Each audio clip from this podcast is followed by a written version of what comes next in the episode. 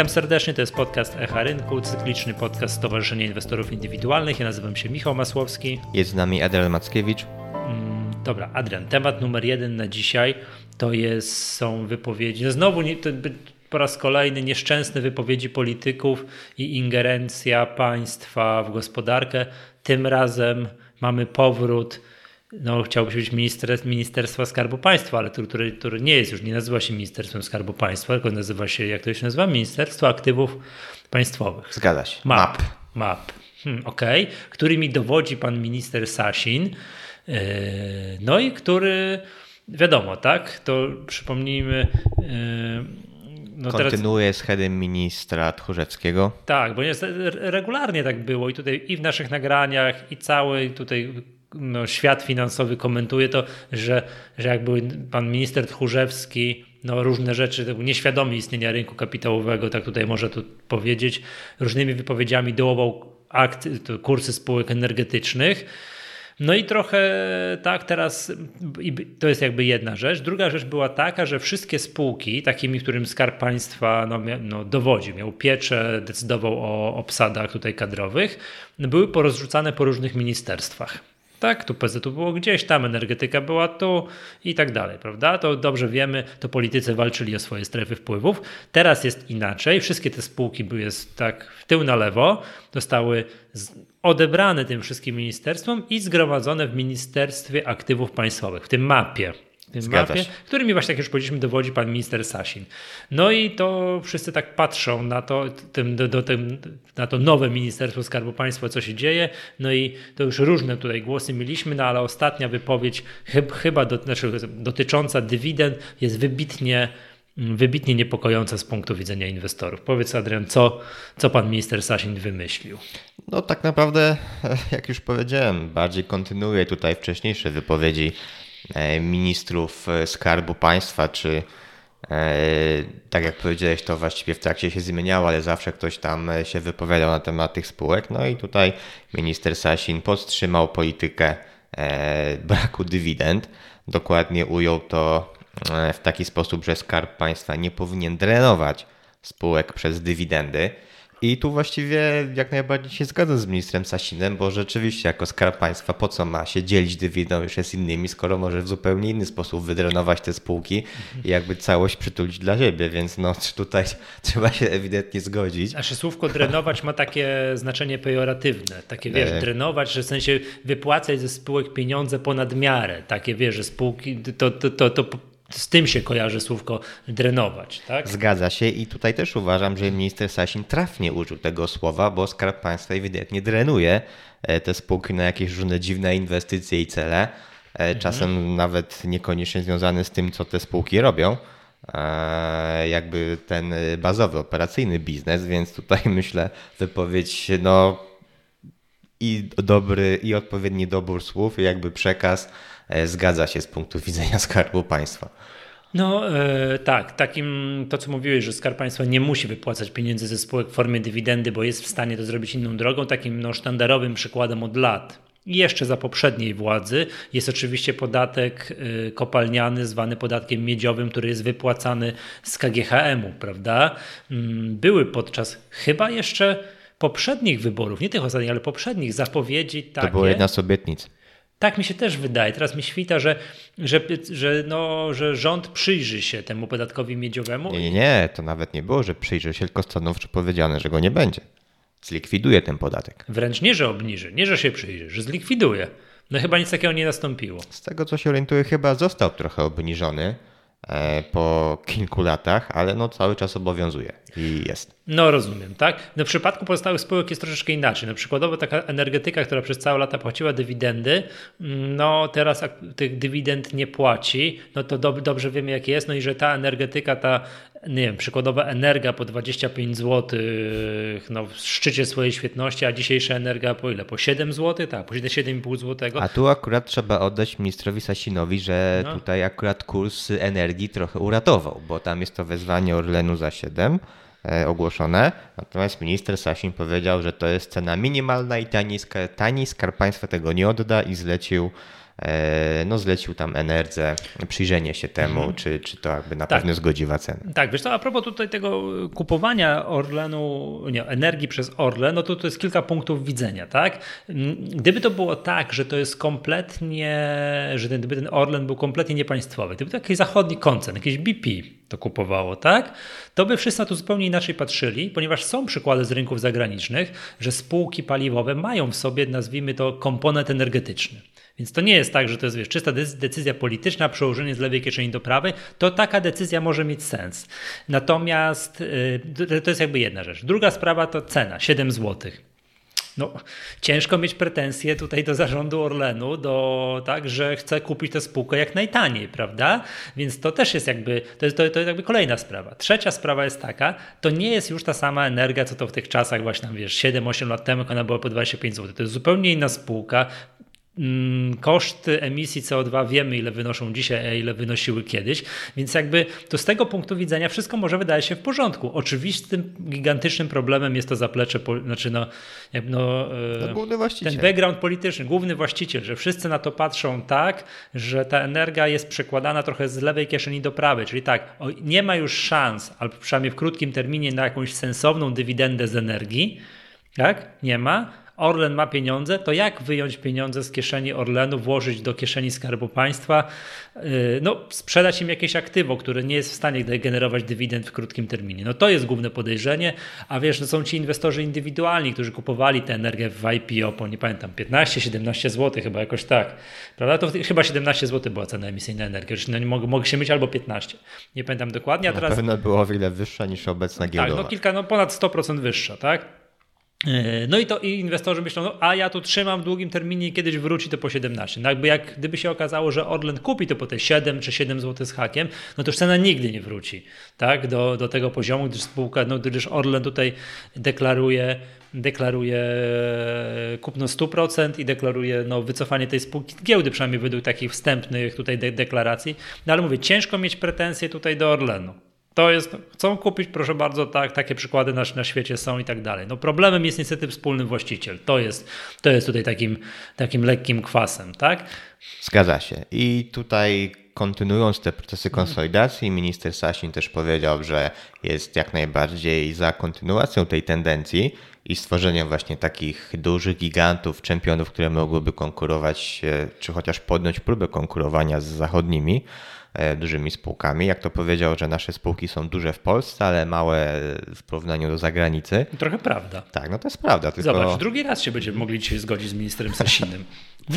E, no i tutaj oczywiście też w jakiś e, sposób pojawia się to pytanie, kto kogo za ile przejmie i no i właściwie tak mówiąc, e, to na co ty się powołałeś, że tam trudno być, mieć pretensje do Orlenu, że chce tanio kupić energię. Dokładnie. E, no to patrząc na wyceny innych spółek, chociażby energetycznych, no to też te wyceny są wygórowane, tylko no to jest jednak takie mm, z punktu właśnie widzenia inwestora może niekoniecznie i szczególnie tego indywidualnego niekoniecznie fajne, bo no to powinno chyba troszkę inaczej wyglądać to podejście do, do zarządzania spółkami Skarbu Państwa, tym bardziej, że no jednak mimo wszystko w dużej mierze to ten główny właściciel, tego podejście do traktowania tych spółek do traktowania w ogóle inwestorów mniejszościowych spowodowało też, że te wyceny są takie, tak, a nie że ta energia jest po 7, a nie, tak, tutaj, a nie no, po innej cenie. Mhm. Mimo wszystko trzeba oddać, że główny właściciel też do tego dołożył swoje 5 grosza, może nawet więcej, no bo to, że sytuacja rynkowa rzeczywiście jest trudna dla tych spółek, nie da się ukryć, no ale zamiast ją próbować poprawić, to inwestują w górnictwo i ratują jakieś inne e, upadające wręcz sektory naszej gospodarki. No, no to, wiadomo, to nie pomaga. Tak, bo realizując jakieś tam cele polityczne. Oczywiście to jest właśnie to, co jakby no jest tutaj e, no, tym problemem w tej całej sprawie przejęcia energii przez Orlen, że właśnie, że, że no tak inwestorzy indywidualni mogą to postrzegać, że kursy tych spółek energetycznych zostały zdołowane i to bardzo przy dużym, bardzo dużym udziale, udziale Skarbu Państwa, a teraz jak już jest tanio, to sobie to, to jeszcze to jeszcze przełóżmy to z lewej kieszeni do prawej, pomijając jakikolwiek interes inwestorów indywidualnych. No trochę tak jest. No i co z tymi dywidendami, tak? No bo to, no bo to jest ciężki, że tak powiem. No, Cie... właśnie. Czy padły jakieś konkretne deklaracje? No. Ciężko już tutaj mówić o ograniczeniu dywidend, jak energetyka nie płaci, tak? To... Teoretycznie tutaj minister Sasin właśnie mówi, że nie powinny być drenowane te spółki, bo powinny inwestować, przeznaczać to na inwestycje. No i to co do zasady wiadomo, że tutaj e, niektórzy mocno się sprzeczają inwestorzy między sobą, lepiej dywidenda czy inwestycje. Nawet czasem tutaj na podcastach tak rozmawiamy, czy to lepiej, żeby jakaś tam spółka zainwestowała, czy wypłaciła dywidendy. Ty oczywiście za dywidendą, tak, ja, ja bardziej jestem na zasadzie to zależy. E, od tego wiadomo, jakie inwestycje, jaka spółka, na jakim etapie rozwoju i, i tak dalej. No natomiast e, znowu problemem w spółkach Skarbu Państwa jest to, że te ich inwestycje, no gdyby one były e, z głową robione pod kątem poprawy sytuacji biznesowej, no to, no to czemu nie? No to, to wiadomo, że spółki muszą inwestować, muszą się rozwijać. No a tutaj znowu się pojawia ten duży znak zapytania o jakość tych inwestycji, w co one mają inwestować. E, więc znowu nie mamy dywidendy, mamy duży znak zapytania, e, czy w ogóle te inwestycje będą rentowne. To cały czas temat Ostrołęki C chociażby, tak? A, to teraz tej jest, elektrowni. No to teraz jest przecież informacja z wczoraj, przedwczoraj, prawda, że Energia i Enea, że te, być może zostanie wstrzymana ta Ostrołęka C. No to, to, to, jest... to, to, to, znaczy, to chyba nawet nie chodzi o to, że zostanie wstrzymana, ale że jej głównym paliwem nie będzie węgiel, a, a gaz E, teraz takie są, są tam plany w związku ze właśnie zmieniającą się sytuacją rynkową. E, więc e, rzeczywiście gdzieś ten proces finansowania został wstrzymany. Zresztą od wielu lat tutaj Energa ma bardzo duże problemy ze znalezieniem inwestora. Póki co znalazła państwową NE i tam one mają bodajże po 50% udziału w tej Ostrołęce. E, no, no i jest problem, żeby to wybudować. To jest temat właściwie stary jak, e, jak świat w pewnym sensie, te Ostrołęka C. No i właśnie, czyli co, Orlen się dołoży do Ostrołęki? No właśnie. No, też nie może być tak, że bogaty Orlen dokłada się do wszystkiego. Tak? A jeszcze pojawiły się jakieś spekulacje na rynku, że być może Orlen przejmie PGNiG, które też tam już prawie, że chyba szura po dnie. Przecena bardzo duża i spada coraz dalej. A to akurat mi przyznam się szczerze, szczerze dziwi, tak? No bo to no, jest. No PGNiG już jest taką dość sporawą spółką. Tak, oczywiście. No poza tym, no wiesz co, mi się zawsze kojarzyło, że PGNiG jest no jednak duża, spora właśnie, więc no, ale no, kurs, gdzie jest PGNiG, no to widzimy. Wiesz co, no to nie może być tak, że bogaty Orlen ratuje wszystkie możliwe działy gospodarki, no bo kto będzie ratował Orlen, jak e, oni by przez przypadek na, nabawili się Kataru wskutek kupowania wszystkiego, wszystkiego naokoło, tak? To jest tam jakiś, jak, jakiś problem. Natomiast patrz na te dywidendy, co to by, wiesz, miało wstrzymywać te dywidendy? No Orlen, wspomniany numer jeden, tak? Płacący fajną dywidendę, już bardzo regularnie no, Coraz wyższą. Tak, A tak. jeszcze przecież jest przejęcie lotosu w trakcie. A no tak, to już sobie zdążyłem zapomnieć, że jest jeszcze przejęcie lotosu. Tak. To jest to, ale to, to, to jest to. Chociaż akurat lotos może tutaj generować cash dla Orlenu, bo jest właściwie po tym piku inwestycyjnym. Ten projekt EFRA chyba już jest oddany, czyli gdzieś tam naprawdę na ukończeniu. E, więc właściwie można powiedzieć, że Lotos w najbliższych latach raczej będzie E, cashował te swoje inwestycje i tam będzie przypływ gotówki. Tak, poza tym przejęcie Lotosu to nie jest przejęcie gotówkowe. Takie, że po prostu ktoś kupuje od kogoś za grube pieniądze, grube kilkadziesiąt procent akcji. No tak, ale jest duże rozwodnienie. Yy, tak, ale to ma być fuzja, taka klasyczna, wiesz, wymiana akcji za akcję, wiesz, akcjonariusze mhm. Lotosu dostają akcję Orlenu, wiadomo, będzie nieskończona dyskusja, dyskusja o parytecie tego i tak dalej, więc to, to nie, nie, nie do końca chyba tak, tak jest. Nie? Chociaż nie, na pewno coś tam musi zostać Skarbu Państwa kupione, jak znam życie. Yy, dobrze, ale wiesz co, do tych dywidend, to jest tak, Orlen dywidendę płaci, tak? PZU dywidendę płaci. KGHM przestał płacić 3 lata temu. No, ale to bardziej z powodów problemów finansowych.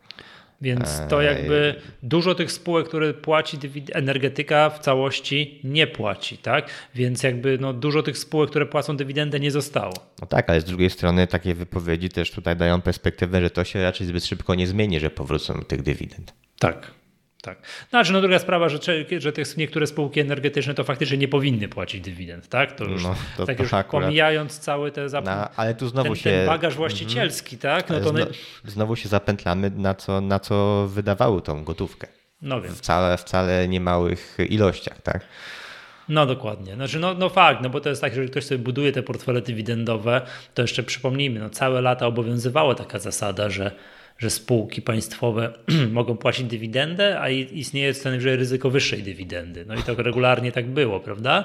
No a tymczasem przychodzą takie czasy, że jest dokładnie odwrotnie, że ci inwestorzy, którzy całe lata budowali takie portfele tych spółek dywidendowych opartych na spółkach Skarbu Państwa, to teraz w ogóle nawet nie patrzą w ich kierunku, tylko w jakiś no, bardziej małych, średnich spółek, które tam no, okazały się fajnymi dywidendowymi perełkami. Inwestorzy indywidualni mogą sobie na to pozwolić, bo są indywidualni. No i mają dzięki temu nie aż tak duże portfele akcji, co powoduje to, że mogą kupić sobie no małą spółkę i mieć ją fajnie w portfelu dywidendowym, prawda? Że, nie, że o rynku zagranicznym nie wspomnę, tak? To już jest. Tymczasem no, fundusze inwestycyjne, które, no weźmy na przykład teraz no, startujące PPK, które mają ustawowo zapisane, no nie pamiętam teraz do końca ile, grube kilkadziesiąt procent ak, yy, no, aktywów inwestowanych na giełdzie będzie musiało być zainwestowanych w WIG20. No a wiemy jaka jest struktura WIG-20, prawda? Tak, no. można powiedzieć, że w PPK wchodzą po niskich cenach.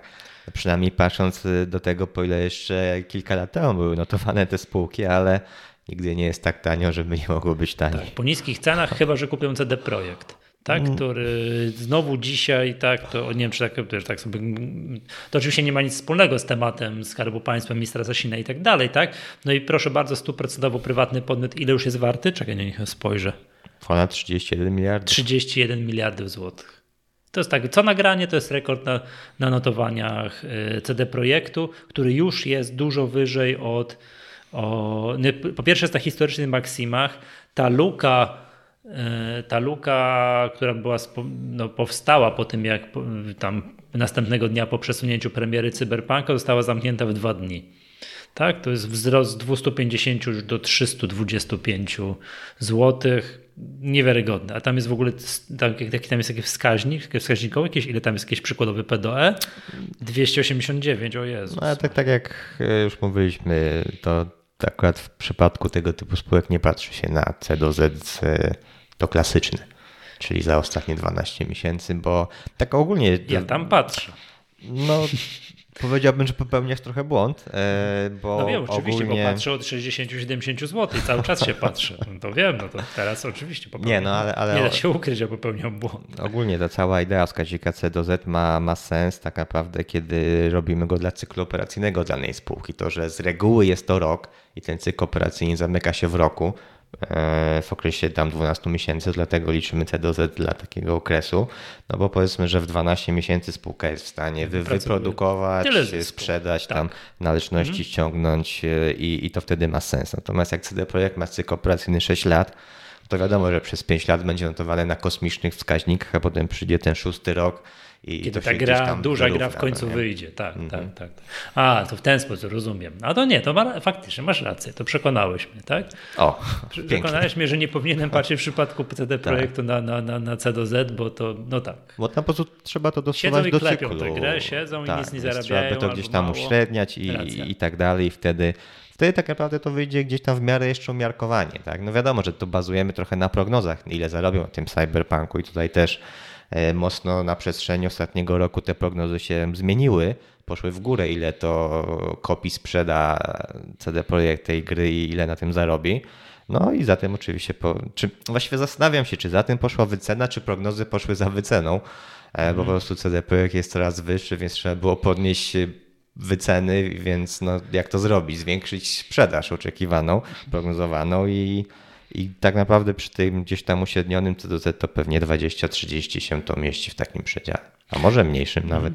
Dobrze. Widzicie, zawsze o czym byśmy nie rozmawiali, to i tak na samym końcu zbaczamy na kolejny CD, na CD tak. Projekt, no bo ciężko, ciężko o tej spółce nie, e, nie mówić, prawda? Zgadza się. Dobra, zmieńmy temat, bo to mówię, te, te, temat numer jeden to było właśnie nasze rozpaczanie nad, nad, nad e, wypowiedziami ministra Sasina, który no, nie dał żadnej nadziei na powrót dywidend, wręcz przeciwnie, tak? Raczej Zber powiedział, że to, co płaci dywidendę, to te, te spółki tam będzie hamulec ręczny zaciągnięty. No cóż, prawda, trzeba, to, trzeba, na to, trzeba to obserwować. Temat, no i chciałbym, żebyśmy zmienili kompletnie temat. Co się stało w Kruku? O, yy... Według naszego wrocławskiego klucza, jak rozumiem. Tak. Oczywiście. Tak. Przede wszystkim Wrocław, potem patrzymy na Polskę. Tak. E, no w Kruku też e, trochę śmieszna sytuacja, bo nagle kruk zaczął spadać o Wczoraj. 13%, tak, wczoraj. wczoraj. Tak, cyk jednym Nic ruchem. się nie wydarzyło, ze spółki nie ma komunikatu, no i próbując szukać jakiegoś argumentu za taką mocną przeceną, bo to jeszcze działo się wszystko na naprawdę dużych obrotach, jak na tę spółkę, e, więc ktoś tam mocno wyprzedawał. E, no i się okazało, że we wtorek ukazał się artykuł e, w dzienniku Gazeta Prawna, między innymi z wiceministrem sprawiedliwości, który mm, tam mówił o pewnych propozycjach zmian w prawie, e, które no, mogłyby troszeczkę utrudnić działalność e, windykatorom, no i w tym oczywiście Krukowi. Jako e, głównemu graczowi w Polsce. Tak. Mhm. I te zmiany miały dotyczyć między innymi tego, że ogólnie chodziło o ochronę przed, przed lichwą, tak, żeby tam nie byli wykorzystywani. E, klienci przez, przez spółki, jakie e, pożyczkowe, jakieś horrendalne odsetki i, i tak dalej. E, no i jedną z takich propozycji było to, aby zakazać obrotu wierzytelnościami, na kruk z tego żyje. Tak? Kruk kupuje wierzytelności i, i potem no... No to brzmi tak, tak niewiarygodnie, że no tak, bo to no. całą gałąź przemysłu w Polsce by Czy tak tą na, metodą zlikwidowano. No poza, poza tym, że znaczy zostałoby inkaso, tak? czyli że tam na, na zlecenie bank czy jakaś inna instytucja komuś zleca, no bo są dwie metody, albo inkaso, czyli że właśnie instytucja zleca firmie zewnętrznej e, windykację tych należności, ściągnięcie zobowiązań, albo, albo po prostu sprzedaje i tak. no i sama sprzedaż jest bardzo e, korzystna dla banków, tak? bo tam sobie czyszczą bilans i i do tego jeszcze mają tą gotówkę ze sprzedaży tego pakietu, a tam są te mnożniki, więc potem z tego e, mają nowe, świeże kredyty, które się spłacają. Jeszcze dla banku najlepiej, żeby to były krótkoterminowe pożyczki, bo to też są e, te najbardziej rentowne produkty. A teraz też no, bogatą mamy ofertę różnych właśnie e, krótkoterminowych pożyczek, więc, więc to, to tak naprawdę się napędza po części. Więc no tutaj chyba no, to był taki wywiad właśnie z wiceministrem, że, że jest jakiś taki pomysł, są jakieś rozmowy. No też nie jest nowość, bo wcześniej też rozmawialiśmy już o kruku i o pewnych innych propozycjach zmian, zmian w prawie, które miały chronić jeszcze bardziej konsumenta e, i, i gdzieś te mm, no miało, miało być utrudniona ta działalność i pożyczko e, i pożyczkodawców i przez to też e, właśnie branży windykacyjnej. No i tu po raz kolejny pojawiły się takie pomysły, więc gdzieś to ryzyko wraca, że coś w ministerstwie się dzieje, są jakieś prace i, i to może, mm, może utrudnić Krukowi życie. Natomiast jeśli chodzi o to zakazanie obrotu wierzytelnościami, nie wiem, czy to, czy to jest w ogóle realny pomysł do, do wprowadzenia i zrealizowania. Wiesz jest taki biznes z takiego giełdowego punktu widzenia biznesowego, to jest normalny biznes. Kupują wierzytelności, odzyskują, tak, a już rolą zarządu Kruka, rolą Kruka jest to tego typu firm, żeby kupić te wierzytelności po takiej cenie, że z tego co odzyskają, to ma im zostać więcej, w związku z tym mają generować zysk. Tak, no proste jak drut. Znaczy proste, ale wbrew pozorom to jest jakby tutaj duże, zaawansowane, powiedziałbym, no, sprawy statystyczne, tak? wyceny tych pakietów wierzytelności, więc to nie jest prosty biznes. Tak? Każdy, kto przeglądał y, dokumenty pewnego windykatora na G, wie, że to można tak zagmatwać, że się nic tego nie rozumie. Tak, ale, ale to jakby wracając tutaj do, do, do co innego chciałem powiedzieć. To jest taki trochę biznes, który powiedziałbym na pierwszy rzut oka, z takiego ludzkiego punktu widzenia może być no, nie do końca moralny. Wiesz o co chodzi? No, trochę tak jak, jak, praca, jest... jak praca mhm. komornika to nie jest wdzięczny zawód. Tak? On przychodzi i musi komuś zabrać coś, wiesz, biednemu, wiesz, nie dość, że on już nic nie ma, to już jest zadłużony, a przychodzi komornik, zabiera mu telewizor, no to przecież to, to tak jak, przepraszam, jak kontroler biletów w autobusie, ten kanar, no to nie, nie jest być, miło być takim kontrolerem i tu jest, i z firmami, które odzyskują wierzytelności, to jest trochę podobnie.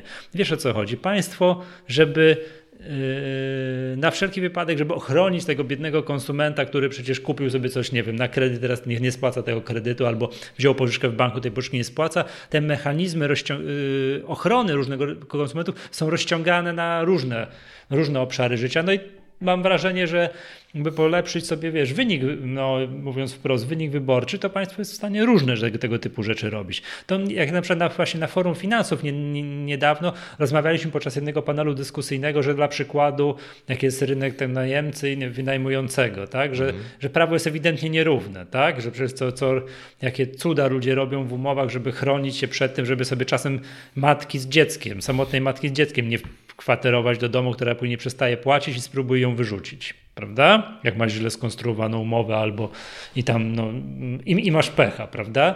I masz pecha, że ewidentnie prawo jest nierówne, stoi po stronie tego biednego lokatora, którego nie ma gdzie, gdzie, gdzie wysiedlić. Tak samo tutaj może być tak, że ponieważ ta działalność taka na pierwszy rzut oka, czym się zajmujecie? Egzekucją długów. O matko, jak to brzmi, prawda? No to prawda. Więc powiedziałem, że przy działalności tego typu firm jak Kruk, to ryzyko prawne, ryzyko zmiany prawa jest bardzo duże.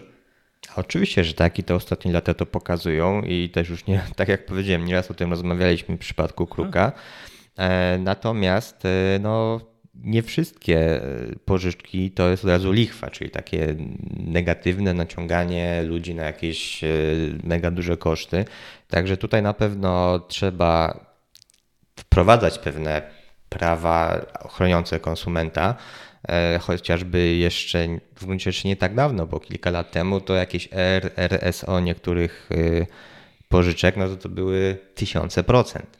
Ale takich chwilówek. To, ale to jest zupełnie inna para kaloszy. Oczywiście, tak? to, to, to, to, nie ma związku z krukiem, ale... Po, żeby ale... chronić konsumentów tak. w momencie zaciągania pożyczki, żeby on był w pełni świadomy, żeby nie dał się właśnie naciąć na coś, co ma RRSO setki czy tam tysiące procent, to ja też jestem za tak, tym a... i to tak też powinny takie prace się dziać. Natomiast też nie może być w drugą stronę, że on pożyczy, nic ci nie oddaje i... No oczywiście, jest... oczywiście, ale to jakby sama idea tego wywiadu i propozycji właśnie była taka, żeby w jakiś a. sposób chronić klienta przed, przed lichwą, czyli czymś negatywnym. To tutaj zarząd Kruka też odniósł się do tej, do tej przeceny i do tych spekulacji mediowych, no bo to jakby ta cała przecena była dwa dni po tym artykule, tak? Więc gdzieś ktoś tutaj przyspał chyba i, i dopiero dwa dni później zaczął mocno sprzedawać Kruka.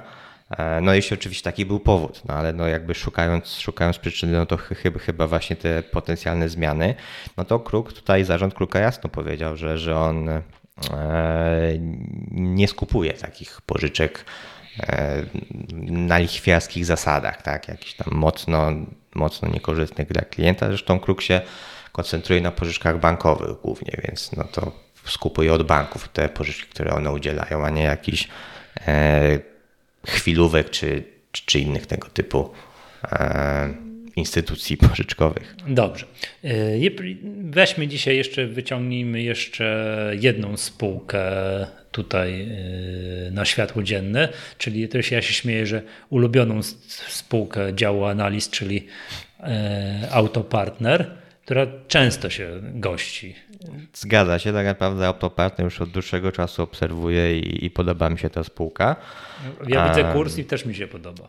No z kursem tam e, od debiutu ładnie rósł, potem był taki okres troszeczkę gorszy, tam w międzyczasie jeszcze główny akcjonariusz sprzedawał mnie małe pakiety e, akcji, zszedł do 51% bodajże udziału i to wiadomo jak to rynek reaguje na tego typu sytuacje z reguły. Z reguły no nie jest to zbyt dobrze przyjęte, że właściciel sprzedaje e, duże pakiety.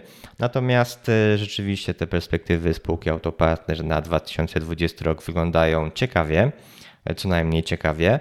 E, spółka podała już dane sprzedażowe za styczeń. E, kolejny rok z rzędu e, dynamiki 20% są utrzymane. Jest to chyba piąty czy szósty rok z rzędu spółka rośnie w takim tempie. Od debiutu giełdowego na przychodach to jest właśnie dynamika powyżej 20%.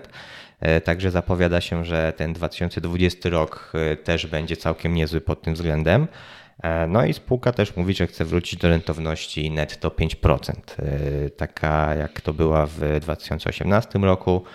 Mm, będzie się koncentrowała na tej rentowności, więc e, jeśli to się uda zrobić i przez ten 2020 rok spółka będzie rosła na przychodach w tempie 20%, no to ta wycena naprawdę, naprawdę wydaje się interesująca. A z takich jeszcze innych ciekawostek, to bodajże dzisiaj czy, czy wczoraj ukazał się dość obszerny wywiad w papie z przedstawicielami Intercars, czyli takiego można powiedzieć giełdowego większego brata Autopartner, bo, bo Autopartner przychody 1,5 miliarda, e, roczne Intercars 9 miliardów, więc no różnica można powiedzieć ogromna. I Intercars też powiedział, że, że widzi tutaj przestrzeń do wzrostu 7-8% na przychodach, więc nawet skoro tak duża spółka e, widzi potencjał do wzrostu, to autopartner, który tak naprawdę na wielu rynkach jeszcze dość mocno się rozpycha, wydaje się, że też będzie miał tu przestrzeń, co pokazał w styczniu, przychodami styczniowymi. No więc te perspektywy chyba na 2020 rok są dość interesujące. Przed autopartnerem wycena wskaźnikowa, ten podstawowy C do Z wcale nie jest wygórowana, patrząc też na to, jak historycznie. W przypadku tej spółki patrzymy na ten wskaźnik. Tak, w przypadku okay, tej spółki dziękuję. zdecydowanie Uf, cykl co, operacyjny coś, zamyka się w 12 zobacz, miesiącach. coś się nauczyłem dzisiaj. No, bardzo dobrze. Tak, autopartner trzeba powiedzieć, że to taki prosty, podstawowy mhm. biznes. E, powtarzalny w krótkich cyklach, więc tutaj jak najbardziej możemy patrzeć na, na C do Z normalne, nie w żaden sposób zmodyfikowane jakieś cykle różne, więc, więc tak, tutaj myślę odeślemy też do wpisu na stronie, gdzie. W przypadku tam, tego kruka też odeślemy. Zgadza się i, i tam pewnie też jakieś jeszcze dodatkowe uwagi się pojawią. Dobrze. Na koniec chciałbym, żebyśmy wrócili jeszcze do chwilowo do tych spółek Skarbu Państwa i pewnego czyszczenia portfela C, prawda? No bo to mimo pewnych tam, no nie wiem, dawało się pierwotnych założeń, musieliście, musieliście, zdecydowaliście się z Pawłem o wyczyszczeniu portfela z Bogdanki i z PKP Cargo. E, no zgadza się, Oby, obydwie te spółki nie performowały zbyt dobrze. E, Bogdanka mm, już jest notowana na wskaźniku VEBITDA poniżej 1, więc e, no tak patrząc przez, przez pryzmat samego wskaźnika mega tanio, praktycznie nie ma zadłużenia też już Bogdanka. E, bo rok temu spłaciła obligacje, które wyemitowała, ostatnie obligacje i od tego, no przynajmniej na koniec e, września nie miała, ale chyba raczej nie brała też żadnego większego zadłużenia w ostatnich miesiącach, więc na koniec roku pewnie będzie to podobnie. Więc pozycja gotówkowa netto jest e, dodatnia. Nie ma tam zadłużenia finansowego, jest ujemne, bo no bo spółka ma gotówkę, no tylko... Tylko co z tego? Wiadomo jaki jest sentyment do, po pierwsze do węgla, po drugie do spółek Skarbu Państwa, po trzecie do tego jak wyglądają ceny węgla światowe, one, one, one dołują. To, to, to też jest w gruncie rzeczy dość ciekawy fenomen, że ceny węgla na światowe mocno spadają, w Polsce rosną. Chociaż no to właściwie tutaj też, też, też zależy na jaki węgiel patrzymy, bo, e, bo tam są oczywiście koks i energetyczny i tak dalej, no ale, ale, ale i tak jakaś ta dysproporcja się pojawiła, no i dzięki temu Bogdanka tak naprawdę cały czas ma dość e, korzystne ceny w przypadku energii, nie podąża to za tymi światowymi tendencjami, no ale jest jakaś pewnie obawa, że że w dłuższym terminie tak będzie. No nie, nie cieszyła się ta spółka sentymentem, więc pomimo tej niskiej wyceny. Przepraszam, można patrzeć w przypadku tej spółki na C do Z? Tak, można. 360. Zgadza się. No to, to, to no, ekstremalnie. Spółka miała rekordowy rok, może nie rekordowy w swojej historii, ale, ale na przestrzeni ostatnich lat to ten 19 był naprawdę bardzo dobry wynikowo. No w 20 e, pewnie będzie trudno poprawić te wyniki, no bo, bo, bo koszty wynagrodzeń, czy, czy też dalszych inwestycji, też pewnie jakieś obawy, czy tam, e, no właściwie Enea, e, bo przepraszam, Bogdanka już jest spółką Skarbu Państwa, bo tam Enea ma 66%, czy, czy chyba, chyba 66%. W każdym razie jest tam większościowym akcjonariuszem, czyli pośrednio Bogdanka też jest Skarbu Państwa i pewnie jest jakaś obawa E, co, co, w co będzie inwestować ta Bogdanka w jakiś, w jakiś sposób. No bo właśnie, bo, bo, wymieniłeś jakby, że same dobre informacje dla Bogdanki. No tak, oprócz, a, a oprócz większościowego scenariusza wszystko jest dobrze, poprawa wyników, poprawa wskaźników, wszystko dobrze, dobrze, dobrze, a kursy historycznych tak, minimum. No właśnie. No i te, te perspektywy pod kątem też tych e, światowych cen węgla pewnie też robią swoje, no i gdzieś ogólnie E, od y, za, za, chyba zarządzający niespecjalnie są też, zainteresowani inwestowaniem w węgiel, e, więc no tutaj Bogdanka pewnie nie jest specjalnie ich radarzy, więc postanowiliśmy się wycofać e, w związku z, e, mieliśmy jakąś trudność, żeby znaleźć argumenty, dlaczego ta Bogdanka miałaby teraz odbić w końcu tym bardziej, że kurs na nowych minimach, no to, to w pewnym sensie postanowiliśmy przestać już się walczyć z tym negatywnym sentymentem e, i, i po prostu uciąć tę stratę i e, będziemy szukać czegoś nowego do portfela i tak naprawdę podobnie z PKP Cargo.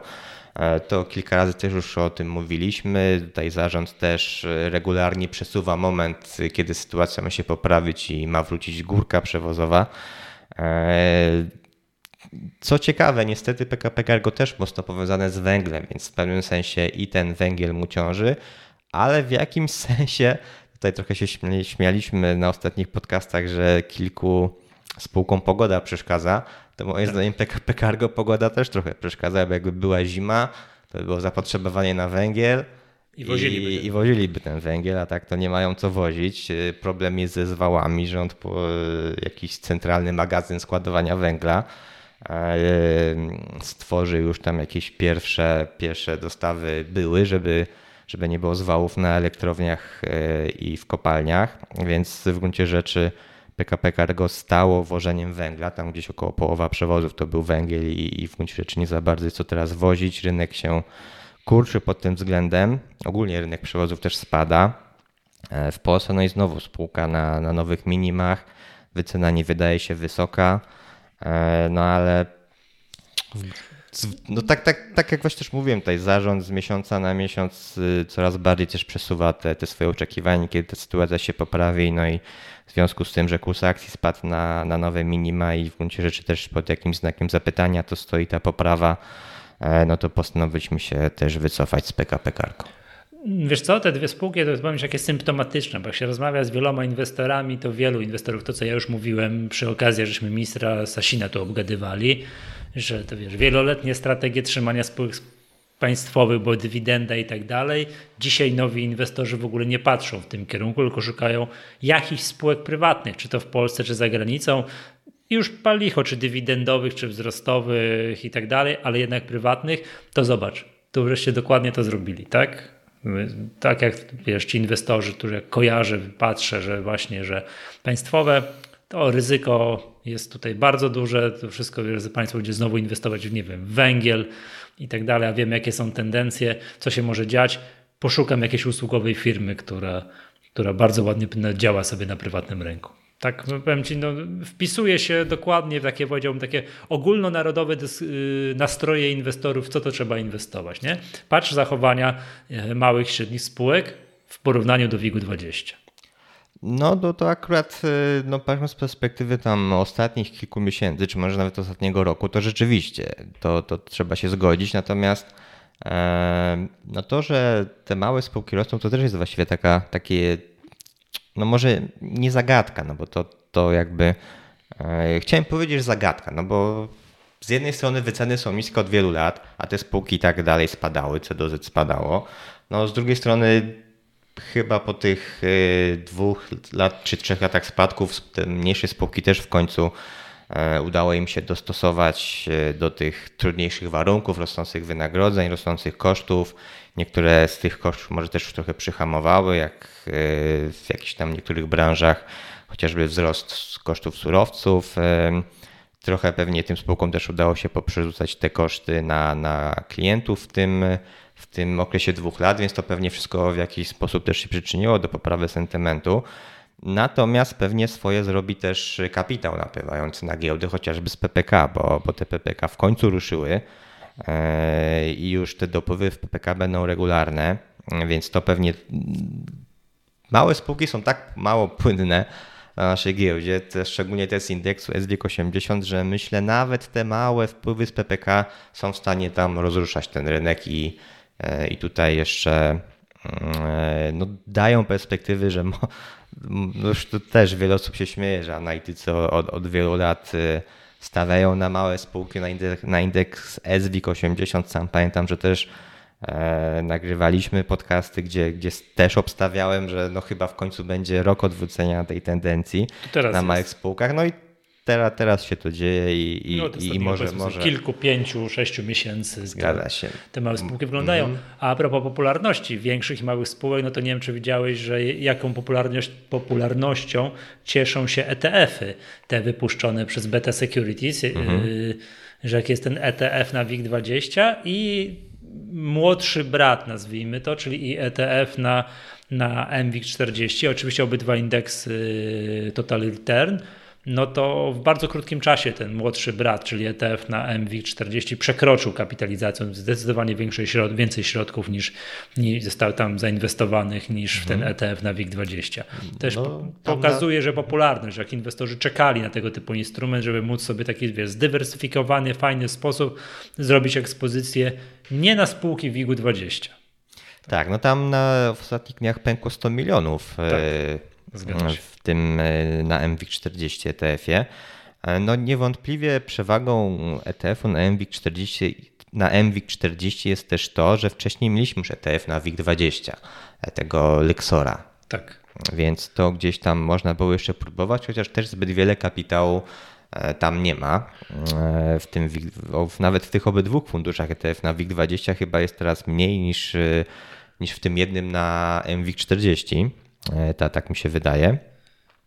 No i tak jak mówisz, no WIG20 nie się specjalnie popularnością, dywidend tam już za bardzo nie ma. Jest dużo spółek Skarbu Państwa a w MWIG 40 jednak już mamy trochę więcej prywatnych, dużych, fajnych spółek, które e, no i też płacą dywidendy i mają jakieś fajne perspektywy rozwoju i właściwie też dość mocno ten indeks spadł w poprzednim roku, więc e, sam popularność mam, mam gdzieś tam na oku ten ETF. Oczywiście popularność nie dziwi, to wiesz, no to widziałem, że tam przedstawiciele mm, beta ETF tam są, przez Invest tam, co drugie pytanie jest, kiedy ETF na SWIG 80? Zgadza się. To oczywiście im mniejsze te spółki wchodzące w skład takiego indeksu, im więcej ich jest, no tym jest trudniej zrobić takiego ETF-a, no ale czemu nie, tak? Czemu nie? Choć zobacz, ten ETF na MWIG 40 on jest bardziej popularny, mimo tego, tego, że ma wyższą opłatę za, za zarządzanie. Tak? No bo siłą rzeczy musi mieć, bo to jest trudniej zrobić, mhm. tak, jest bardziej rozdrobnione i tak dalej, i tak dalej, więc, ale mimo tego jest tak, a i tak się cieszy większą popularnością. Może z tych wszystkich powodów, które tutaj na zmianę wymieniliśmy. Pewnie tak. Dobrze, to był podcast Echa Rynku. Ja nazywam się Michał Masłowski. Był z nami Adrian Mackiewicz. Do usłyszenia następnym razem.